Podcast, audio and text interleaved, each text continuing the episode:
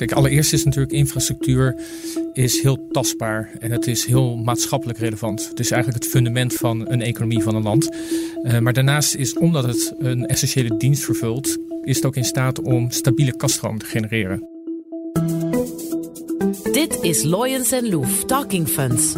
Een podcast waarin advocatenkantoor Loyens Loef in gesprek gaat met fondsenmanagers die toonaangevend zijn in hun veld.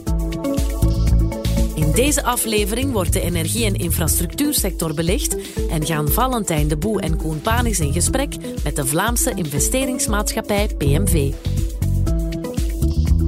We verwelkomen hiervoor Werner de Krem en Luc van Rooyen van PMV. Mijn naam is eh, Koen Panis, eh, advocaat, partner bij uh, Loyens Loef. Loyens Loef is een Europees advocatenkantoor, grote presence in de Benelux. En we zijn hier eigenlijk vandaag samen met een klant, Participatiemaatschappij Vlaanderen, een podcast te doen over de energie- en infrastructuursector. Ik doe dat niet alleen. Ik ben hier samen met mijn collega Valentijn de Boe. Valentijn, over to you. En mijn naam is inderdaad Valentijn de Boe. Ik ben advocaat in onze energie- en infrastructuurafdeling samen met Koen Panis. En uh, wij helpen onze cliënten hun uh, energie- en infrastructuurprojecten te realiseren. En uh, wij zijn zeer vereerd dat we vandaag PMV te gast hier hebben. Um, ik kijk allereerst schuin tegenover mij zit Werner de Krem, groepsmanager infrastructuur en vastgoed bij PMV. Werner, jij hebt al een lange geschiedenis achter de rug bij PMV.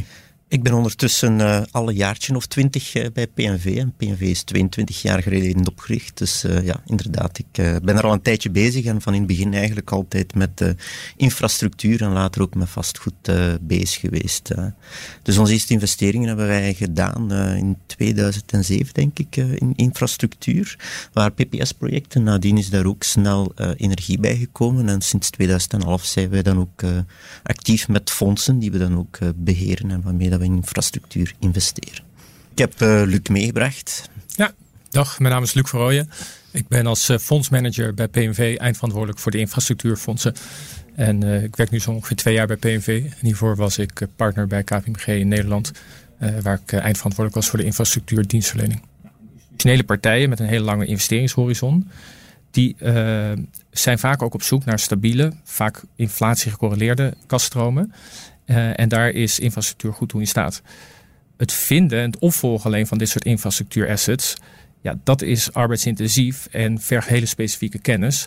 En vaak is er bij investeerders niet de toegang tot projecten of uh, de operationele capaciteit om uh, dat werk in te vullen en die projecten te zoeken, daarin te investeren en die vervolgens ook op te volgen. Nou, en daar komt een fonds zoals Epico om de hoek kijken. Ik vermoed dat jullie niet de enige zijn in deze markt. Wat is jullie strategie en hoe onderscheiden jullie je in de sector van de energie- en infrastructuurfondsen? Dat is misschien een vraag voor Luc. Ja, ik denk dat het belangrijkste waar we het verschil maken is onze proactieve hands-on approach. En het feit dat we als partners samen projecten ontwikkelen. En specifiek aan onze investeringsstrategie is, is dat we vooral investeren in infrastructuur die nog gerealiseerd moet worden. Dus dit vraagt een langere investeringsperiode. En ook uh, waarbij we de kapitaal eigenlijk over een wat langere periode opvragen. Nou, die manier van werken is mogelijk met een groep institutionele investeerders, uh, maar heeft als gevolg wel dat particuliere investeerders uh, daar minder geschikt uh, voor zijn. En daarom hebben we ook besloten om onze fondsen niet open te stellen voor particuliere beleggers. Luc, ja, effectief, je zegt daar particuliere belegger. Ja, het is misschien interessant voor de luisteraar om te weten, effectief, Epico is echt voor de grote institutionele investeerders. Zij kunnen niet deelnemen. Wat natuurlijk ook van een oogpunt van beleggersbescherming wel sens maakt. Infrastructuur en energie is typisch voor die fondsen die aan de operationele kant uh, al, al zijn, die al uitgeontwikkeld zijn, zodat er lager risico is. En uh, ja, het zal dus eerder via bankproducten, via andere fondsen die dan in die levensfase investeren. Zo kan de particulier belegger wel die exposure krijgen aan uh, dat soort uh, asset class als energie en infrastructuur. Jullie uh, nemen dus als investeerders of als, als fonds blijkbaar ook al vroeg in het project een actieve rol. Dat is, dat is jullie aanpak. Kun je daar een voorbeeld van geven? Kun je een, wat bedoel je daar precies mee met die actieve rol?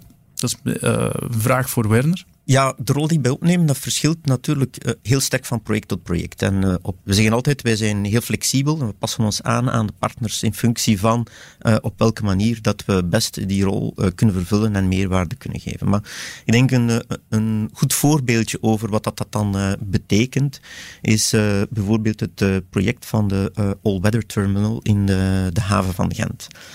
dus... Um, uh, wat is zo'n all-weather terminal? Dat is een haventerminal uh, waar dat bij alle weersomstandigheden moet kunnen geladen en gelost worden. Dat betekent dat daar uh, schepen eigenlijk, zelfs tot middelgrote zeeschepen, eigenlijk binnenvaren, zodanig dat je producten die gevoelig zijn voor weer, bijvoorbeeld die niet mogen nat worden, dat je die toch in alle weersomstandigheden kan laden en lossen. En uh, in de haven van Gent bijvoorbeeld, daar is een, uh, ja, een grote staalfabriek, ik denk ArcelorMittal, die iedereen wel, wel kent. En ja, die, die zag dat wel zitten, dat die kon beschikken over een dergelijke terminal. Natuurlijk, dat is niet haar core business. Hè. De, de, de core business van ArcelorMittal is staal produceren, niet investeren in een, in een haventerminal. Maar op basis van die behoefte dachten we dat er wel een business case rond te maken was. En hebben we dus zowel met hen, maar ook met de haven van Gent, die de uh, concessie levert, uh, rond tafel gezeten. En dan zijn we ook zelf verder op zoek gegaan naar bijkomende partners. Zowel om uh, die terminal te gaan bouwen, te gaan ontwerpen, te gaan onderhouden enzovoort. En ook een operator, hè, want je hebt ook de mensen nodig uiteindelijk die daarin werken en de nodige dienstverlening geven. En uh, met al die partners samen proberen we eigenlijk dan tot een business case te komen. Uh, zodanig dat we zeggen, kijk, dit is eigenlijk ja, uh, een interessante case om in te gaan investeren. En dat gebeurt op basis van afspraken die je tussen alle partijen moet gaan maken. En die moet je dan gaan vastleggen op een bepaald moment. Um, en uh, dus in dit concrete geval had je dus enerzijds een ArcelorMittal die zich wou verbinden om effectief voor een minimaal volume gebruik te maken eigenlijk van die infrastructuur. De haven die concessie geeft, nanemer die ontwerpt en bouwt.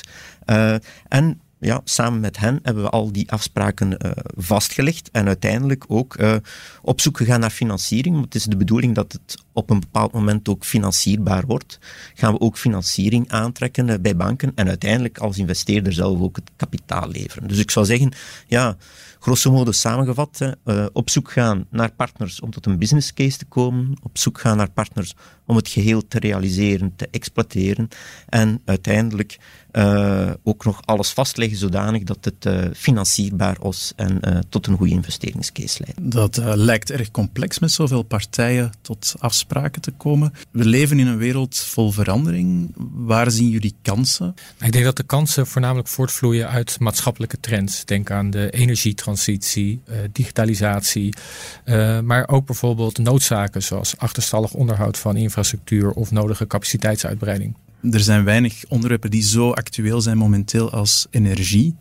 En de enorme energieprijzen, de inflatie, betekent dat dat dit een goed moment is voor investeringen in energieprojecten? Dat ligt eraan. Kijk, ik denk dat vanuit een maatschappelijk oogpunt uh, energieinvesteringen zowel nu als later extreem relevant zijn. Het is alleen wel zo dat de enorme volatiliteit op de energiemarkt en de prijsfluctuatie die je ziet, uh, gekoppeld met het feit dat er uh, gesproken wordt over mogelijke prijsplafonds. Uh, dat creëert een bepaalde mate van onzekerheid. en dat is het laatste wat je als investeerder wil. Kijk, je wil als investeerder wil je dat je voorspelbaarheid hebt. En ehm, dus ja, er is absoluut een, een markt.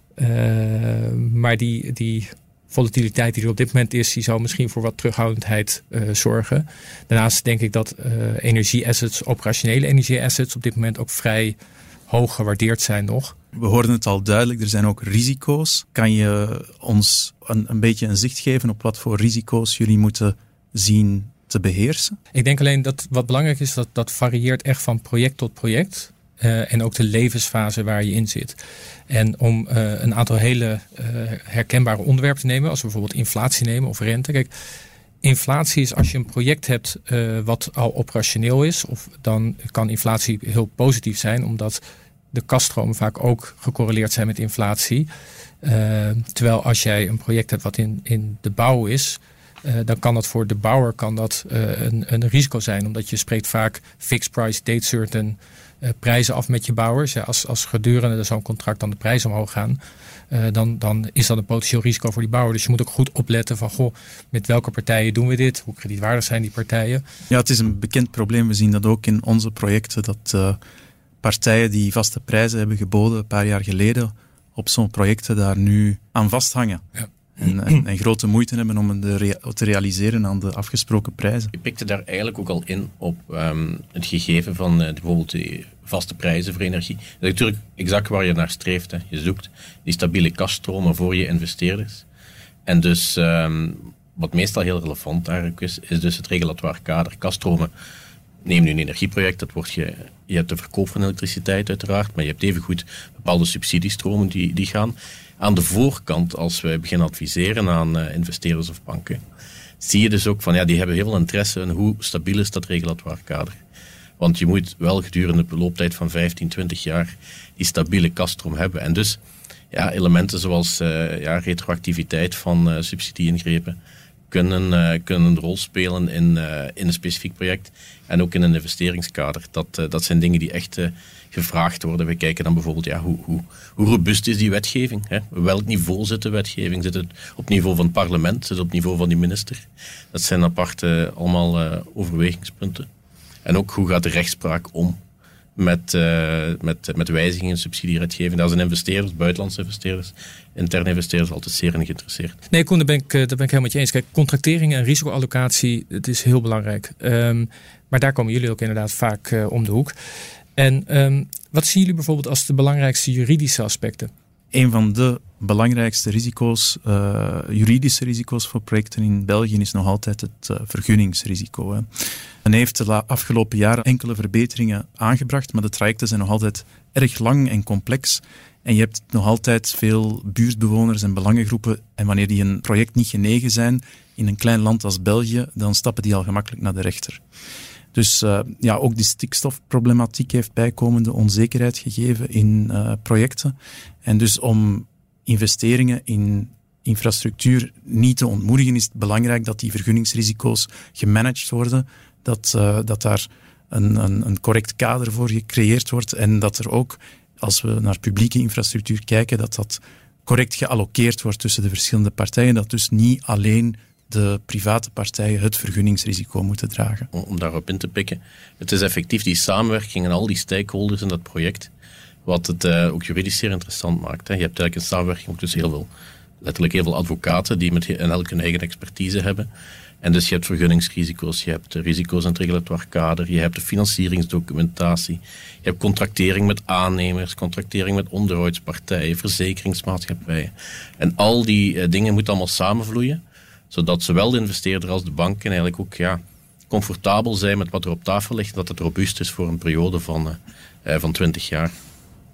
Um, als je die, die, die, risico's, als je die dan identificeert als jurist, ja, je gaat die ook wel, uh, je moet er ook iets mee doen. Dus je kan niet gewoon wat het risico naar het project laten zetten. Het is juist de bedoeling hoe je een risico dat je identificeert kan wegleggen, wegcontracteren uh, bij een partij. Neem nu bijvoorbeeld het prijsrisico waar we juist over spraken. Ja, het is heel logisch dat dat prijsrisico niet blijft bij het project, maar dat je dat wegcontracteert bij een andere, bij een energieleverancier bijvoorbeeld, die dan die stabiele kaststroom kan verzorgen. Dus ook in, in operationeel projecten is de misvatting ja, dat, dat de huidige uh, energieprijzen, die allemaal bij uh, die projecten terechtkomen, Terwijl eigenlijk die contracten al getekend zijn in een andere stadium. Dus dat komt dan eigenlijk bij een energieleverancier terecht, die dat op zijn beurt ook weer heeft weggecontracteerd. Dus het is heel moeilijk om specifiek hierover, die hoge energieprijzen, waar ligt nu eigenlijk uh, op het einde de hete patat, spreken. Nee, daar ben ik met je eens. Want je, je kijkt echt naar wat is de partij die het risico het best kan beheersen. En daar probeer je dat, uh, dat risico ook, uh, ook neer te leggen. En um, daarover gesproken, we zien op dit moment in België zien we een hele aantrekkelijke pijplijn van uh, publiek-private samenwerkingen, ook wel PPS. Uh, Valentijn, kan jij daar iets meer over vertellen? Zeker. Um, ja, het klassieke model bij infrastructuurprojecten was dat de overheid zelf al het ontwerp deed, een aanbe aanbesteding organiseerde voor de bouw en dan werd het project gefinancierd met, uh, met publieke middelen en volledig betaald eigenlijk bij de oplevering. Um, en klassiek werden die projecten dan uiteraard gegund op basis van prijs. Maar voor grote projecten, complexe projecten, um, ja, bleek dat het eigenlijk geen ideale oplossing was, omdat er geen rekening kon gehouden worden met de lifecycle kost van een project. Een project dat bijvoorbeeld goedkoop was in bouw, kon heel duur zijn in um, onderhoud. En dus op lange termijn betaalde de overheid eigenlijk uh, meer. Um, en vaak bleken zij ook met risico's te zitten die zij niet konden beheersen. En bovendien was er weinig ruimte voor innovatie. En daarom is er uh, de, rond de jaren 2000 uit uh, de UK en uit andere buurlanden zoals Nederland het DBFM-model overgewaaid. DBFM staat voor Design, Build, Finance, Maintenance. En hierbij worden eigenlijk al die risico's op een geïntegreerde manier neergelegd bij de private sector. Um, dat betekent, en dat is ook wat jij daarnet zei, op die manier worden de risico's neergelegd bij de partij die ze het beste kan beheersen, in dit geval de private partij. En dus door uh, private investeringen, projectfinanciering toe te laten, kan de overheid ook voor de financiering een beroep doen op de privésector. Een belangrijke discussie in DBFM-projecten uh, is of het project of balance kan beschouwd worden voor Eurostat. Dat betekent dat de schuld in het project niet op de balans komt van de overheid en dus niet als overheidsschuld beschouwd moet worden. En dat is uiteraard interessant voor België, een land dat met een heel hoge overheidsschuld uh, kampt en uh, vanuit Europa eigenlijk weinig ruimte meer heeft om zelf uh, schulden te nemen. Dus door infrastructuurprojecten te realiseren in een DBFM-structuur had België nog wel ruimte om dat soort projecten te realiseren.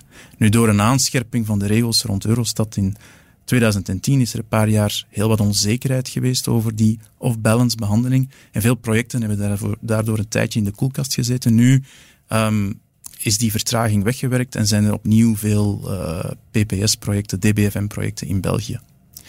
Um, maar PPS-projecten kunnen uiteraard erg complex worden. Uh, veel partijen die betrokken zijn, uh, belangrijke risico's, lange termijnen. Wat maakt een investering in zulke projecten naast energie interessant voor een, een speler als Ebico, Werner?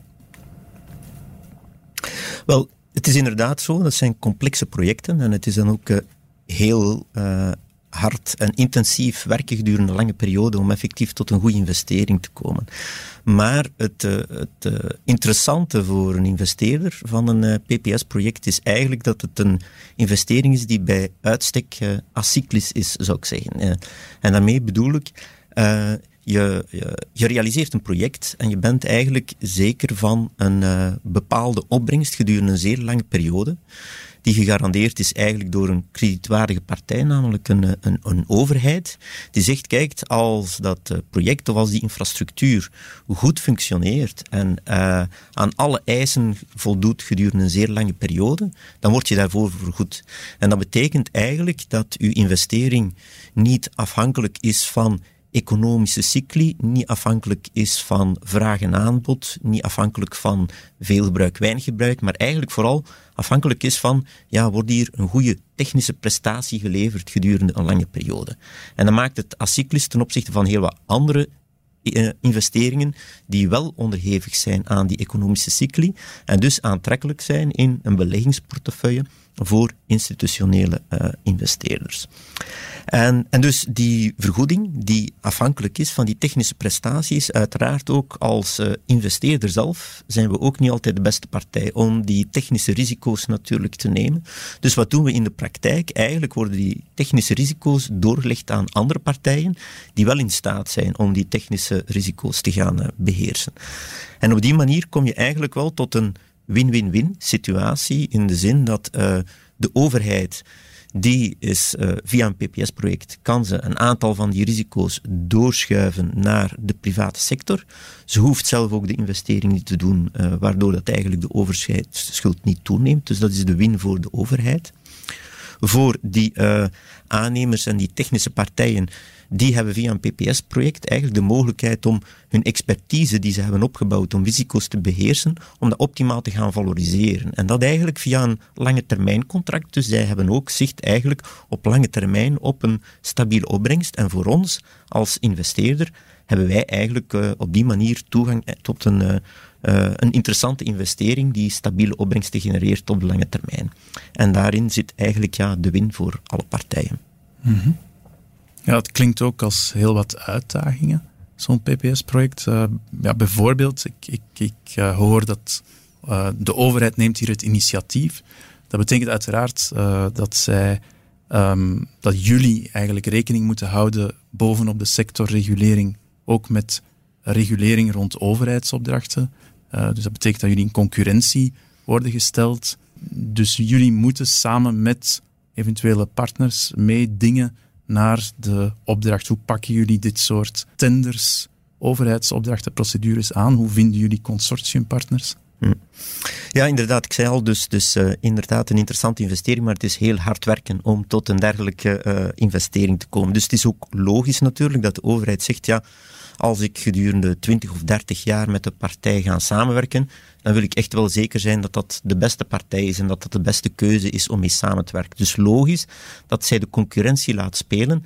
En daar komt ook een groot stuk van ja, het voordeel van, of dan de waardecreatie van, van die overheid. Want eigenlijk wat ze, wat ze doet is, in plaats van in het klassieke model, dat ze zegt, kijk, ik ontwerp die infrastructuur één keer en ik zeg, deze infrastructuur om die te bouwen, beste aannemer, maak een prijs, ik kies de goedkoopste, krijg je hier eigenlijk een vraagstuk voorgelegd waarbij dat, infrastructuur, waarbij dat de overheid zegt, kijk, uh, hier ligt een infrastructuurvraag op tafel, en uh, geef me nu een keer de beste oplossing. En wat er eigenlijk gebeurt is, er worden verschillende oplossingen uitgewerkt door verschillende consortia, zoals dat we zeggen. Waarom noemen we dat consortia? Omdat één partij kan dat niet. Je hebt investeerders nodig, maar je hebt uh, aannemers nodig, ontwerpers nodig, partijen die dat gedurende lange tijd gaan onderhouden, exploiteren. En die zitten allemaal samen en die zit, denken samen over wat is eigenlijk de beste oplossing gedurende een lange periode om die dienst gedurende 30 jaar uh, te, gaan uh, te gaan leveren. En daar zitten binnen voor de overheid, maar dat is natuurlijk het intensieve werk, want eigenlijk wordt die infrastructuur verschillende keren ontworpen en de oefening wordt eigenlijk verschillende keren gedaan en het eindresultaat, er is er maar ene die kan winnen en die het kan bouwen en die wordt uiteindelijk uh, gekozen. En ja, waar zit natuurlijk ja, de, de, de crux in? Dat is natuurlijk, ja, kiezen wat zijn de juiste partners om mee samen te werken. Wat denken we dat de juiste partijen zijn, gegeven het vraagstuk dat voor ligt, om daar de beste invulling aan te geven. En terug, de juiste partners kiezen om eigenlijk een voorstel uit te werken dat op het einde van de rit het beste kan zijn, dat is eigenlijk uh, cruciaal uh, daarin. We zien ook um, in België momenteel veel buitenlandse groepen investeerders die actief zijn in de PPS-markt. Um, wat maakt België nu een interessante markt voor die buitenlandse spelers en hoe kijkt Epico naar dat soort concurrentie? België is een tijdje achterop gebleven bij uh, de Verenigd Koninkrijk en de Nederlandse markt. Uh, maar die markten zijn eigenlijk een beetje stilgevallen. En uh, wat je nu ziet is dat er een, echt een stabiele pijplijn is aan projecten. Er is veel know-how, er zijn veel succesvolle projecten ook geweest. En er is best wel veel kennis opgebouwd. Dus er zijn ook ervaren aannemers uh, uh, om die projecten te realiseren. Ik denk dat van cruciaal belang in een gezonde infrastructuurmarkt is met name ook de voorspelbaarheid en de betrouwbaarheid van die pijplijn. Ja, dat uh, lijkt me een duidelijke aanbeveling naar de overheid. Zijn er nog zo andere zaken die jullie zouden willen meegeven aan overheden die infrastructuurprojecten willen realiseren?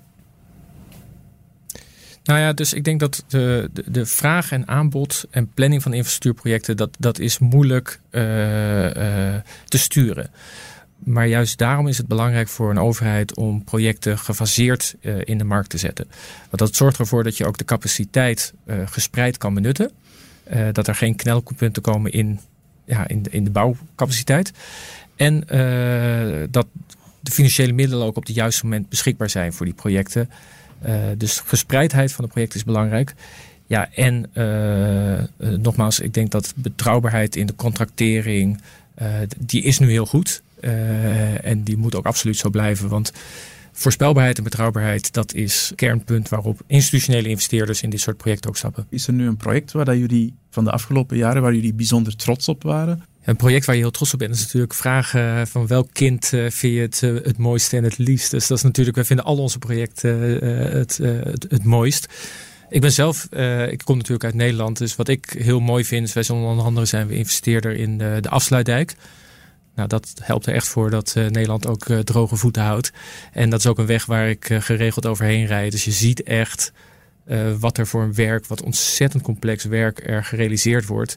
En dan kan je met trots kan je zeggen, ja, daar heb ik aan meegewerkt. Een ander mooi voorbeeld, denk ik, is een, een havenproject in het zuiden van Frankrijk dat we aan het realiseren zijn, waar we eigenlijk met een volledig Vlaams consortium uh, eigenlijk op ingeschreven hebben en dat uiteindelijk gewonnen hebben. Uh, en dat is eigenlijk dankzij de ervaring die we hier lokaal in Vlaanderen opgebouwd hebben, met uh, ja, toch drie grote havens en heel wat spelers die daarin een goede track record hebben opgebouwd. En dat we daarmee eigenlijk toch wel een succesvol voorstel hebben kunnen maken in het uh, zuiden van Frankrijk tegen alle andere concurrentie. En dat is ook wel heel leuk. En Koen, heb jij nog een project waar jij heel trots op bent? Wat ik wel nooit ga vergeten, is, ik was toen nog, nog maar vier jaar bij kantoor, maar we hebben het geluk gehad als kantoor om actief te zijn als, als lead counsel bij alle offshore windprojecten in, uh, in België. En ik denk de closing van uh, Belwind, een van de allereerste, was enorm intensief uh, met een, een koop uit een failliete onderneming, e-concern, door de Witte Ridder Colruyt, die destijds dat heeft, heeft gedaan. En dus via Parkwind, dat ook zeer succesvol is geweest. dat was een zeer zwaar, zwaar traject, maar zeer rewarding achteraf natuurlijk. En Valentijn, heb jij projecten waar je speciale herinnering aan hebt?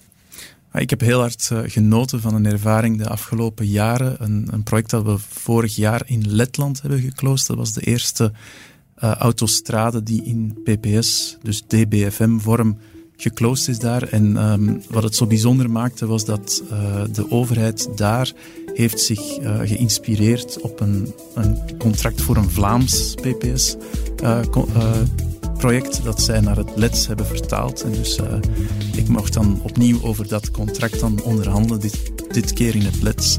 Dat was een uh, unieke ervaring. Dit was Loyens Loef Talking Funds. Benieuwd naar meer? Luister dan zeker naar de andere afleveringen in deze reeks.